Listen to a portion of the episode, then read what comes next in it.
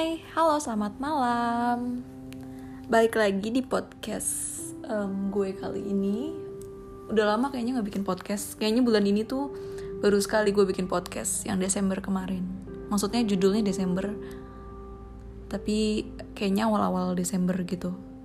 Biasanya kan sebulan bisa 2-3 kali. Atau mungkin lima kali kali ya, gue gak ngerti. Lupa juga. Tapi yang pasti bulan ini tuh adalah bulan-bulan sibuk tersibuk sebagai seorang pekerja dan juga mahasiswa online.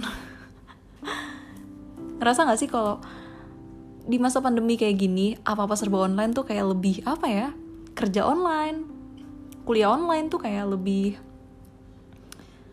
lebih banyak gitu hal yang harus dikerjakan gitu kan dibanding dengan offline gitu. Dan itu membuat beberapa aktivitas tertunda seperti aktivitas apa ya seperti um, biasanya kan setiap minggu main sama teman gitu kan buat refresh. Tapi sekarang karena online minggu pun itu dijadikan jadwal bekerja dan belajar gitu. But it's fine gak apa-apa lah. Yang penting semuanya baik-baik aja dalam keadaan sehat dan semoga corona covid-19 ini segera berakhir. Amin. Oke okay, um, untuk episode kali ini gue akan bahas mengenai hmm, apa ya pribadi gue sih mengenai menulis ya kan? Menulis. Jadi sebelum gue bahas lebih dalam lagi mengenai kenapa gue ngambil topik menulis ini, gue akan bahas mengenai hobi. Maksudnya hobi di sini adalah gue hobi gue hobi banget sama menulis gitu. Dari SMP kayaknya sih SMP apa SD gue lupa deh. Kayaknya SD deh. SD kelas 6 lah, kelas 6 kelas 5 itu gue hobi banget sama namanya nulis di buku tulis pakai pulpen gitu. Dan entah kenapa setiap guru nerangin gitu kan guru ngajar gitu kan di papan tulis ditulis nih dicatat gue selalu catat itu di buku. Apa pun itu catatannya. Terus zaman SD itu kan biasanya kan dikte kan di, uh, gurunya ngomong kita nulis kita nyatet gitu. Nah itu gue salah satu kegiatan sekolah yang paling gue suka, kegiatan belajar mengajar yang paling gue suka pada saat itu. Lalu sampai akhirnya di pada suatu waktu gue lupa kapan gue beli nih buku satu dus. Uh, dulu tuh mereknya adalah merek disensor lah ya namanya, Tet gitu. gue beli satu dus isinya 12, satu lusin. Itu khusus buat gue nulis, tapi nulisnya itu bukan buat pelajaran kayak dulu tuh awal itu gue nulis kayak unek-unek gue terus um, hari gue nih kayak gimana apa ya isi hati gue terus kayak apa yang terjadi di hidup gue hari ini itu tuh kayak gue curahkan di buku tulis itu. S tapi sampai pada akhirnya gue kayak mikir kok tiba-tiba ada inspirasi ya? Kayak kayak pengen bikin suatu cerita aja. Dulu kan gue nggak tahu kalau gue dulu tuh gue nggak tahu kalau ada novel gitu. Dan itu namanya novel. Karena gue tuh jujur banget adalah tipe kal orang yang jarang banget ke Gramedia zaman dulu. Dan gue nggak tahu cerita-cerita yang ada di buku itu namanya novel gitu. Gue nggak tahu itu. Sampai akhirnya gue bikin beberapa cerita yang ada di otak gue. Gue tulis di buku itu jadilah satu buku sampai habis sampai tamat. Sampai gue inget banget setiap kali gue selesai menulis menulis sebuah cerita gitu. Di akhir halaman itu gue tulis tamat. T A M A T tamat.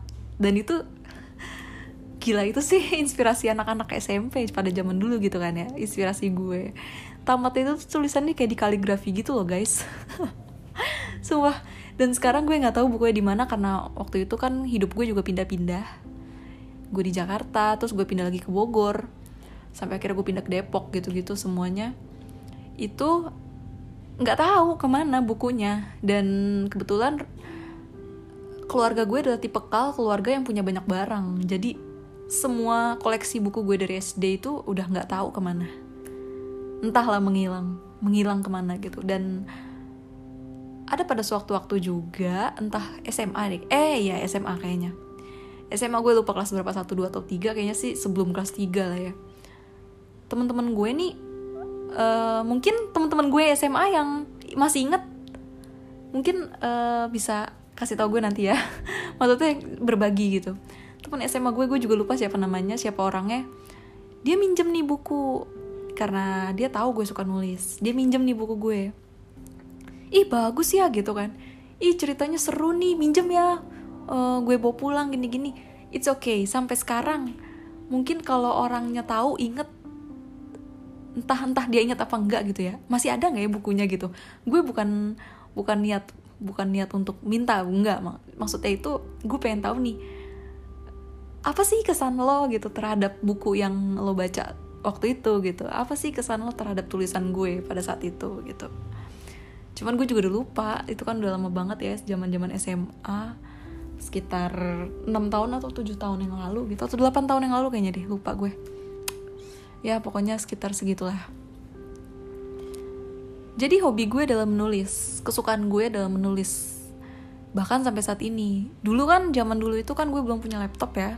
Masih SD itu masih SD SMP SMA itu tuh gue masih apa apa apa tuh masih pakai buku gitu. Jadi nulis cerita di buku nulis diary di buku dan sekarang semakin bertambahnya zaman dan teknologi jadi untuk nulis di buku tuh kayak udah males. Kayak udah menghilang begitu aja gitu. Tapi baliknya itu adalah uh, gue punya folder di salah satu laptop gue gue punya satu folder itu tuh khusus cerita-cerita yang ada di otak gue gitu. Dan kalau kalian pengen tahu sebenarnya ceritanya berapa sebenarnya udah puluhan guys. Udah puluhan teman-teman. Cuman masalahnya adalah gue tuh nggak bisa menyelesaikan itu semua gitu. Gue tuh saking muncul apa ya saking sering dapet inspirasi gitu kan. Hal-hal baru gitu. Jadi yang lama itu gue selalu nggak pernah lanjutin sampai sampai akhirnya ya udahlah sampai penuh itu folder gue dan akhirnya gue terpaksa untuk hapus. Dan gue bikin folder baru dan cerita yang baru. Dan sekarang alhamdulillah sudah ada empat judul novel yang akan gue selesaikan dalam waktu dekat ini. Gue mohon doanya pada kalian semua. Mudah-mudahan ada rezekinya. Gue bisa terbitin ke salah satu penerbit. Gue bisa cetak. Kalau dibilang kenapa seberapa besar sih uh, ambisi lo buat cetak itu buku? Sejujurnya dari dulu deh dari dulu SD itu SMP emang gue udah pengen banget jadi seorang penulis sebenarnya. Karena gue suka suka banget nih nemu-nemu hayalan-hayalan gue gitu dan gue dan gue luapkan itu tuh di tulisan gitu. Bahkan teman-teman gue aja sampai suka sama cerita-cerita gue di apa di buku tulis itu. Cuman sayangnya kan sekarang bukunya udah nggak ada nggak tahu ke mana ya.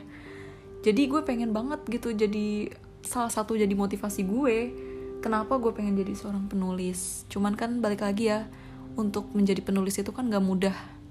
Untuk menjadi suatu profesi itu kan gak mudah ya.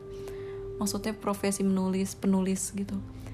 Gue harus punya banyak waktu luang gue punya harus punya banyak uh, inspirasi gue harus punya banyak uang untuk untuk terbitin itu kan. Menerbitkan suatu karya kan nggak bisa langsung nerbitin terus laku di pasaran disukain banyak orang kan nggak bisa kayak gitu. Gue butuh dana untuk untuk ini semua gitu. Dan sampai saat ini gue masih berusaha untuk itu. Jadi gue minta minta doanya buat teman-teman supaya semoga next time di kemudian hari di suatu saat nanti entah kapan itu gue bisa menjadi penulis gue bisa cetak buku. Jadi orang-orang tahu kalau cara gue menyampaikan perasaan itu melalui buku gitu. Melalui tulisan. Kan kalau seorang penyanyi pen, apa seniman kayak kayak penyanyi terus kayak pemain musik itu kan biasanya mereka menyalurkan perasaan dan kata-kata itu kan melalui musik ya kan? Nah kalau gue gue pribadi melalui buku melalui novel gitu. Kayak misalkan uh, gue lagi sedih nih. Ya paling gue nulis di buku gue salah satu buku entah itu puisi entah itu novel pribadi gue ataupun novel hasil dari um, inspirasi gue dari imajinasi gue ataupun novel dari kisah hidup temen gue gitu yang gue rahasiakan identitasnya gitu loh. Jadi that's why kenapa gue ngambil tema di podcast hari ini adalah menulis karena entah kenapa jiwa penulis gue tuh akhir-akhir ini tuh lagi meronta-ronta. Jiwa menulis gue tuh lagi kayak lagi apa ya lagi tinggi banget gitu lagi pengen banget nulis gitu pengen banget menyelesaikan satu buku gitu dan itu nggak mudah tantangannya banyak banget. Ya mungkin kalau dilihat banyak orang ya ilah cuman nulis cuman ngetik doang. Iya mungkin memang kayak gitu tapi progresnya adalah menulis itu nggak mudah gitu membuat satu cerita itu nggak mudah. Membuat satu dunia yang banyak membuat orang terhipnotis itu nggak mudah gitu. Karena kita butuh banyak banget waktu.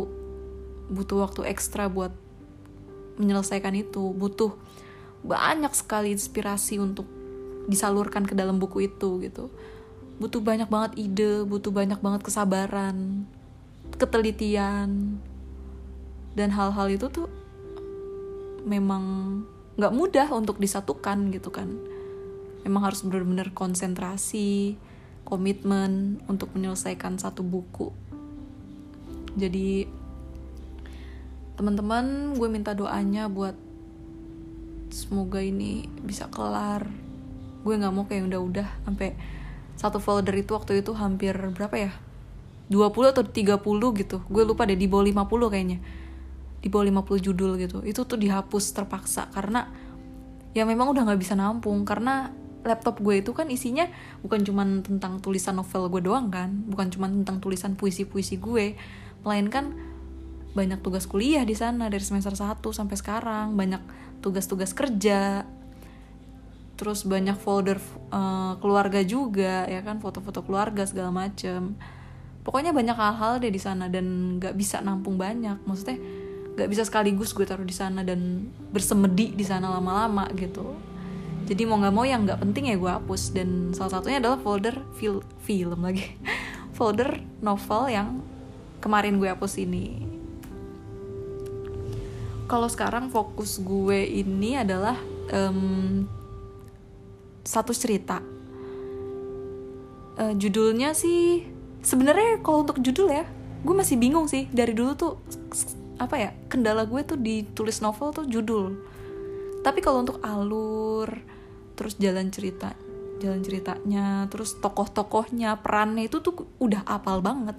Cuman judulnya ini masih belum bisa ngambil judul yang bagus gitu kalau gue di situ kelemahan gue. Makanya kalau untuk sekarang fokusnya adalah di uh, di apa cerita yang judulnya itu kado untuk kakak. Eh sorry kado dari kakak kado dari kakak. Jadi itu juga kayaknya harus direvisi lagi sih judulnya. Kayak kurang menarik gitu kan. Jadi sementara sih itu dulu ya kado dari kakak daripada nggak ada judul sama sekali ya kan.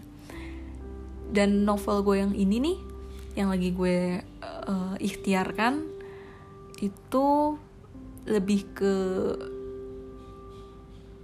romance tapi sosial juga tapi family juga gitu. Jadi semua ada di situ. Dan apa ya? Ini tuh spesial sih kalau kata gue novel yang satu ini. Dari sekian banyak novel-novel yang ada. Yang pernah gue bikin dari yang folder yang kehapus kemarin sama apa pun itu gitu kan. Ini doang paling spesial karena ya nanti deh ya gue gue bahas di podcast selanjutnya pokoknya ini yang paling spesial karena suatu alasan ya.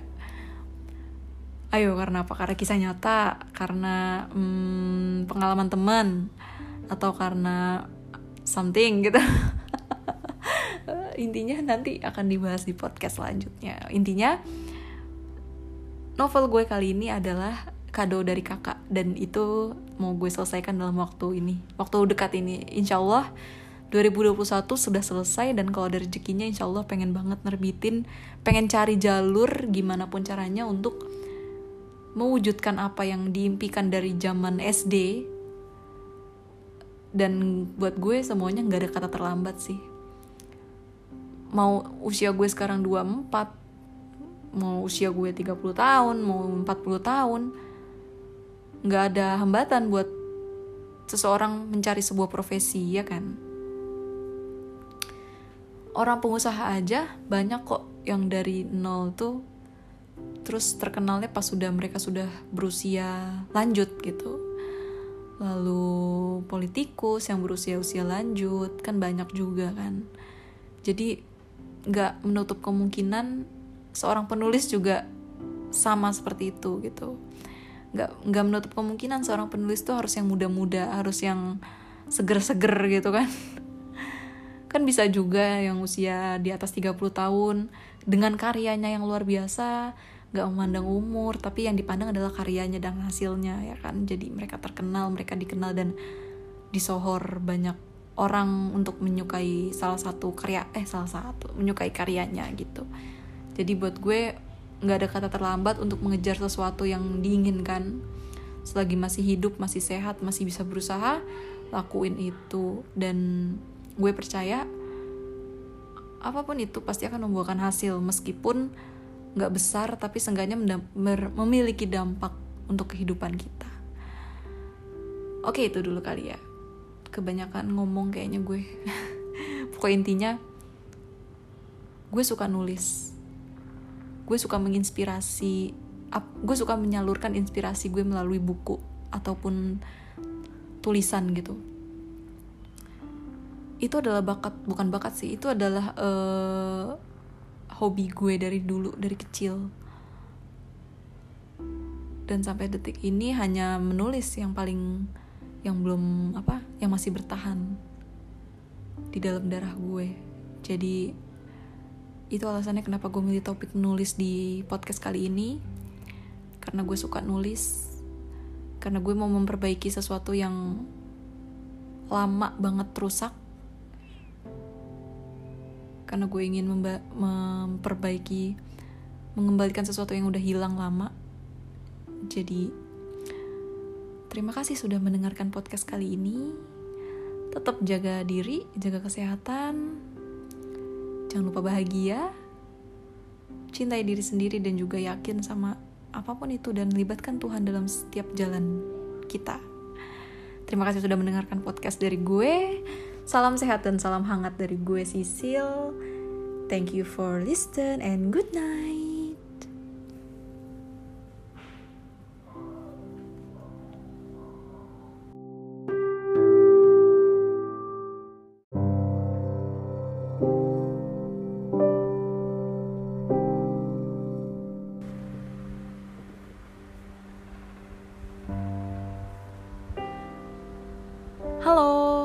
Malam. Balik lagi ke podcast gue.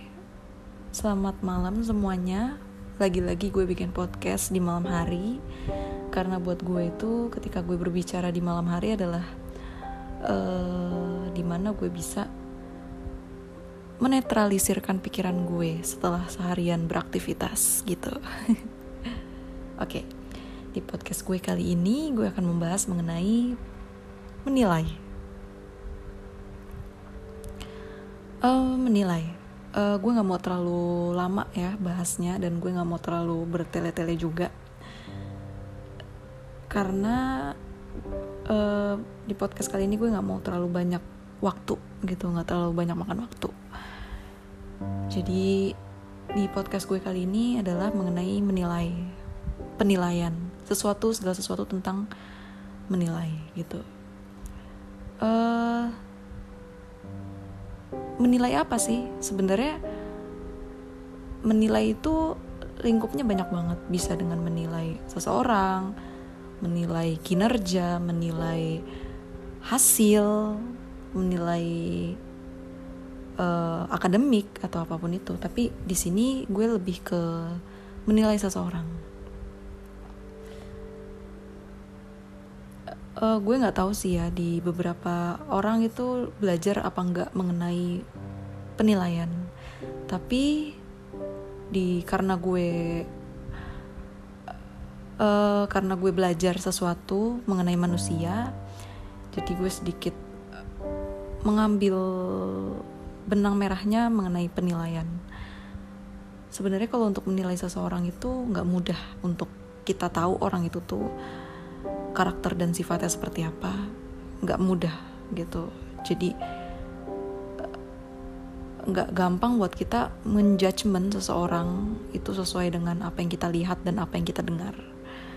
Kadang banyak bukan banyak ya hampir bukan kadang sih sorry bukan kadang mungkin hampir setiap hari.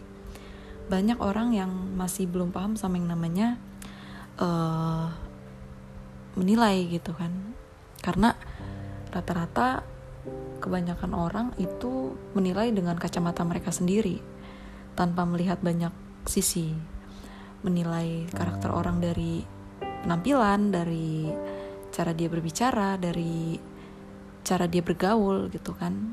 Sementara e, sejatinya manusia itu memiliki banyak topeng. Sejatinya manusia itu memiliki banyak peran. Di setiap tempat dia memiliki perannya masing-masing di setiap tempat dia memiliki topengnya masing-masing. Jadi kita nggak bisa tuh ngejudgment orang itu seperti ini. Karena mungkin yang dia tunjukkan adalah seperti itu gitu kan. Dan belum tentu sepenuhnya dia seperti itu. Uh, mengenai penilaian ada satu orang yang bukan orang sih. Eh sorry sorry. Ada satu uh, seseorang yang gue kagumin dia adalah dosen gue sendiri. Gue nggak mau nyebut siapa orangnya. Uh, karena kebanyakan yang denger podcast gue itu teman-teman kampus gue. Dan gue nggak mau merasa so pinter gue nggak mau. Jadi gue mau ngutip bagian kata-kata dari dia. Ya dia itu pernah dosen gue itu pernah bilang untuk uh, menilai untuk mengetahui karakter orang itu butuh waktunya lama lama sekali. Bahkan bisa seumur hidup gitu loh. Dulu dosen gue pernah bilang kayak gitu.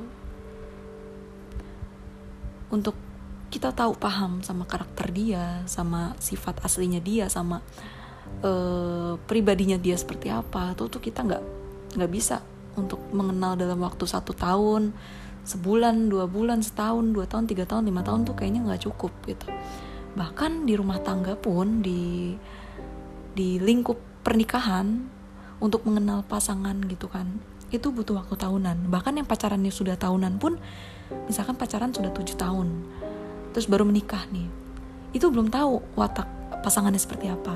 Taunya setelah menikah berapa berapa bulan gitu setelah punya anak berapa gitu kan baru baru ketahuan gitu nah itulah alasannya kenapa kita tuh nggak bisa ngejudgment orang seenaknya. Kita nggak bisa menilai seseorang melalui kacamata kita gitu. Jadi kita butuh banyak referensi butuh banyak waktu butuh banyak uh, cerita mengenai orang itu. Dan apa ya? Untuk mengenal menurut gue nggak ada yang bisa bener-bener mengenal orang lain selain selain diri kita sendiri gitu. Sorry ya suara gue agak serak. Ya selain diri kita sendiri. Jadi eh, nggak uh, ada yang bisa mengenal kita sebaik diri kita gitu. Kalian punya nggak sih kasus gitu di mana ada orang yang bener-bener frontal mengenai diri kita gitu? Ada orang yang bener-bener frontal menjabarkan sesuatu mengenai kita gitu. Bahkan menerka-nerka mengenai kita. Secara secara frontal ya. Kebetulan gue pernah sesekali beberapa kali mendapati orang-orang yang uh, frontal mengenai kehidupan gue gitu. Mengenai gue tuh ternyata orangnya seperti apa ternyata gue tuh punya problem apa enggak gue tuh orangnya gimana itu itu adalah hal yang paling menjengkelkan menurut gue. Kenapa menjengkelkan? Karena it's okay kalau cuman it's okay ya kalau dia seseorang yang frontal itu mengatakan dia tuh masih satu keluarga satu keluarga sama kita. Misalkan dia adik kita atau dia mama kita atau dia ayah kita atau dia sepupu atau gimana itu kan lebih banyak lebih tahu kan lebih banyak uh, apa lebih banyak koneksinya untuk masuk ke hidup kita. Tapi kalau cuman temen yang baru kenal beberapa hari atau beberapa bulan. Bukan temen baik maksudnya temen yang baru gitu loh. Itu tuh kayak menjengkelkan sekali. Sementara teman-teman yang sudah masuk ke lingkup hidup kita bertahun-tahun itu tuh nggak sefrontal itu gitu. Nggak nggak seberani itu untuk mengatakan sesuatu mengenai hidup kita. Jadi uh, untuk berbicara mengenai watak itu sangat hati-hati ya. Harus sangat hati-hati. Karena salah sedikit kita ngomong itu wah fatal. Salah sedikit kita menjudge salah sedikit kita menilai itu fatal. Fatalnya kenapa? Karena di otak orang itu di memorinya itu bakal kerekam terus orang itu tuh bakal seperti apa bakal seperti apa bakal seperti apa yang ia pikirkan gitu. Dan uh, sejujurnya gue belum paham sebenarnya zaman zaman dulu tuh gue belum paham sama yang namanya penilaian. Dulu juga gue masih awam. Masih oh dia nih orangnya sombong banget nih begini begini tapi setelah gue uh, belajar gue jadi lebih paham bahwa hal-hal itu tuh nggak baik nggak bener gitu. Dan harus dihindari banget. Karena itu tuh itu tuh toxic sangat amat menjadi toxic. Kadang kan uh, kita mikir eh dia cantik banget sih pasti cowoknya banyak gitu kan. Pasti pacarnya banyak atau pasti banyak yang deketin. Eh dia pelit banget sih ih nggak mau nolong orang nih mau mau menang sendiri gini gini atau ih dia sombong banget cuek banget antisosial nih ya pasti temennya dikit gini gini gini empatinya nggak ada gitu kan. Nah itu tuh labeling sebenarnya. Dan labeling itu tuh racun nggak bagus sangat sangat tidak bagus. Belum tentu orang yang kita lihat dia nggak punya empati belum tentu dia uh, hatinya tuh beku gitu belum tentu. Mungkin orang yang kita pikir uh, galak sekalipun jahat sekalipun ternyata kita kan nggak tahu. Di balik hidupnya dia adalah orang yang penyayang mungkin memang nggak penyayang sama maksudnya nggak nggak penyayang yang kita lihat gitu ya. Nggak penyayang maksudnya nggak sesama orang gitu dia uh, belas kasih gitu. Mungkin kepada hewan-hewan kepada uh, hewan peliharaan atau apa dia lebih banyak menggunakan apa belas kasihnya gitu kan. Walaupun cuma secercah gitu sedikit jadi kita nggak bisa untuk menyimpulkan bahwa seseorang itu memiliki sifat dan karakter seperti ini. Jadi kalau uh, gue boleh berbicara di sini untuk menilai untuk melihat bukan menilai ya menilai kayaknya nggak sanggup sih karena harus harus butuh banyak waktu untuk hidup bersama orang itu cie. Untuk melihat orang gitu. Gue sendiri untuk melihat teman-teman gue untuk melihat orang sekeliling gue itu tuh gue melihatnya random. Kalau sejujurnya kalau gue mau ngomong gue melihat banyak sekali teman-teman gue itu adalah random. Kenapa random? Ngacak. Maksudnya ngacak itu adalah uh, apa yang gue lihat belum tentu besok bakal kelihatan lagi gitu.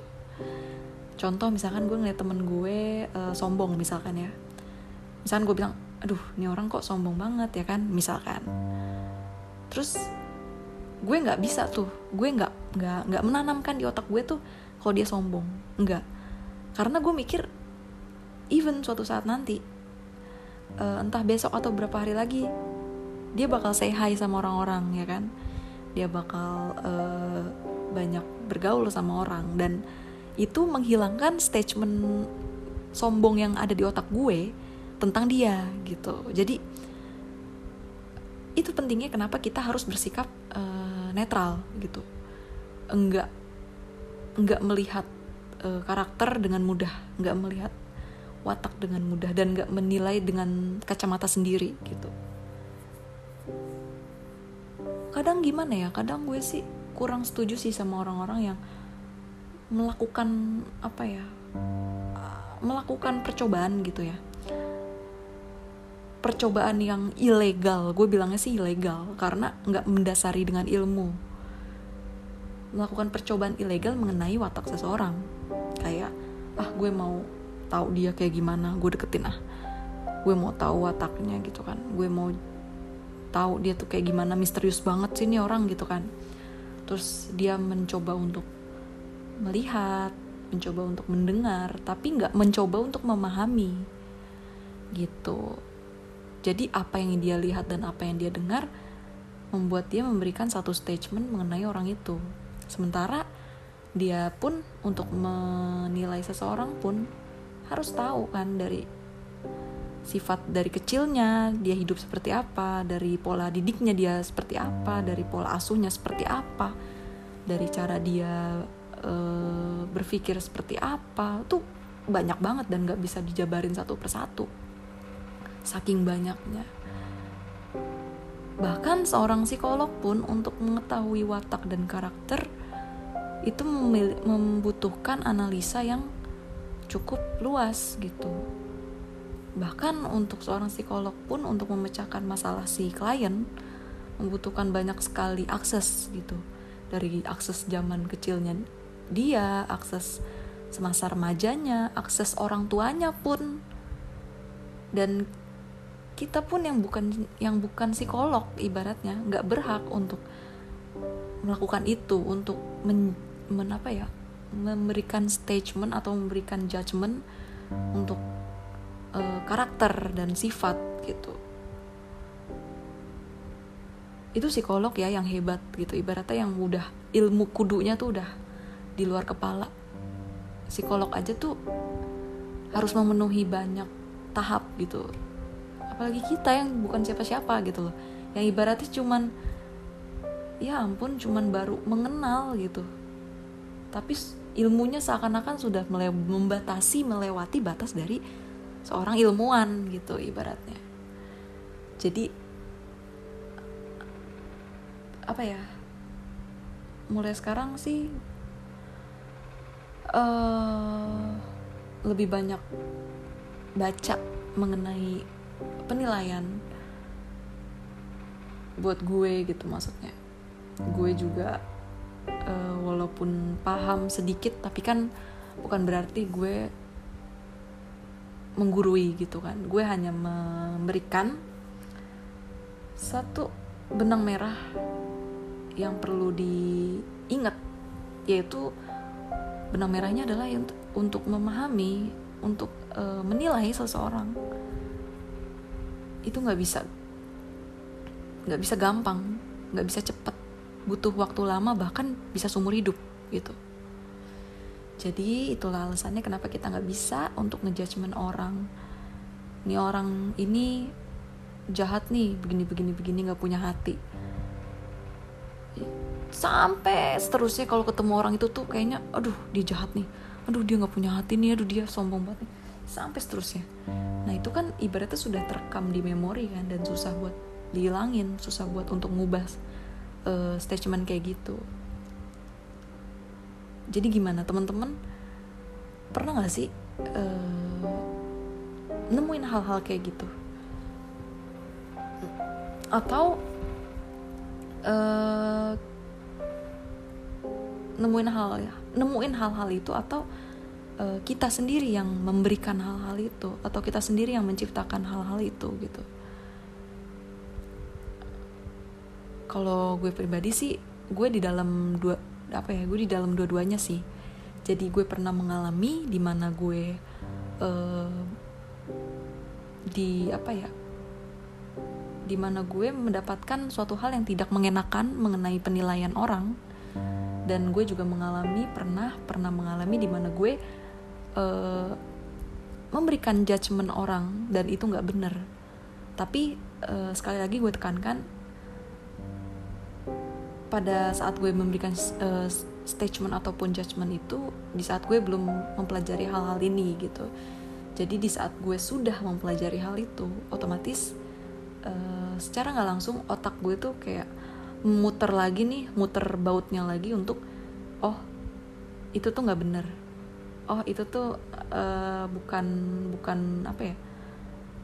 Bukan hal baik lah ibaratnya. Jadi harus diubah gitu.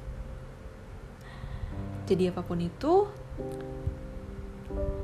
buat kita semua untuk menilai seseorang itu butuh waktu yang lama yang sangat lama bahkan seumur hidup. Dan butuh banyak akses. Bukan cuma waktu ya tapi akses.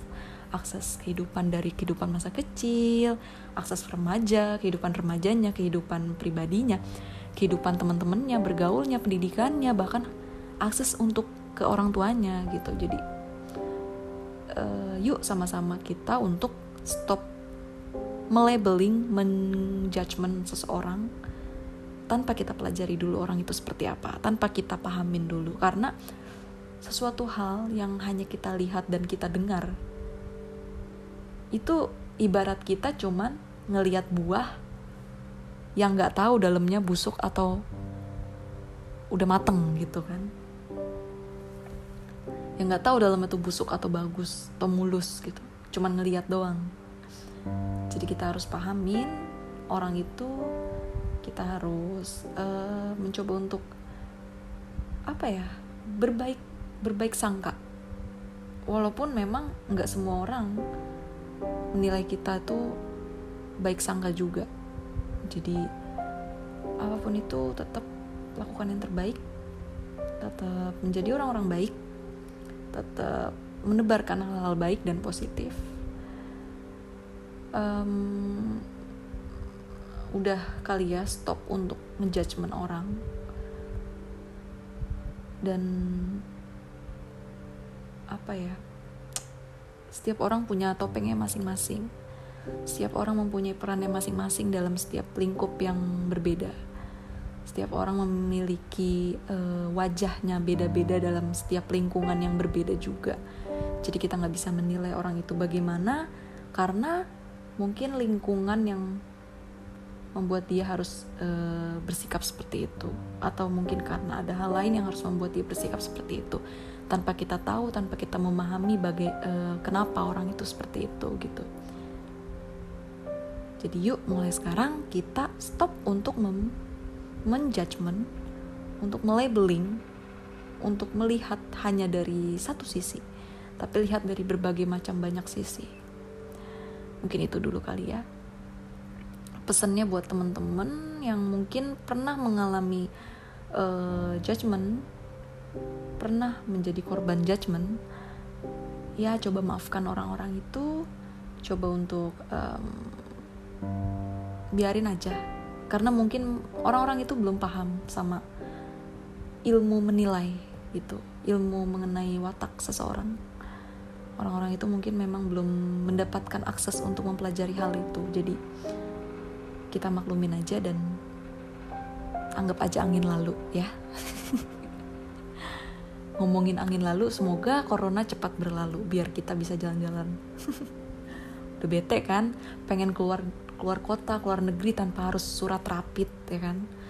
Jadi oh ya sekali lagi tetap tekankan pakai masker di mana pun saat keluar rumah dan jaga jarak oke? Okay? oke okay, mungkin cukup sekian uh, sharing dari gue. Mohon maaf apabila ada kesalahan kata ataupun berbicara kurang lebihnya mohon maaf dan terima kasih sudah mendengarkan dari awal sampai akhir. Terima kasih banyak. Semoga bermanfaat dan selamat malam.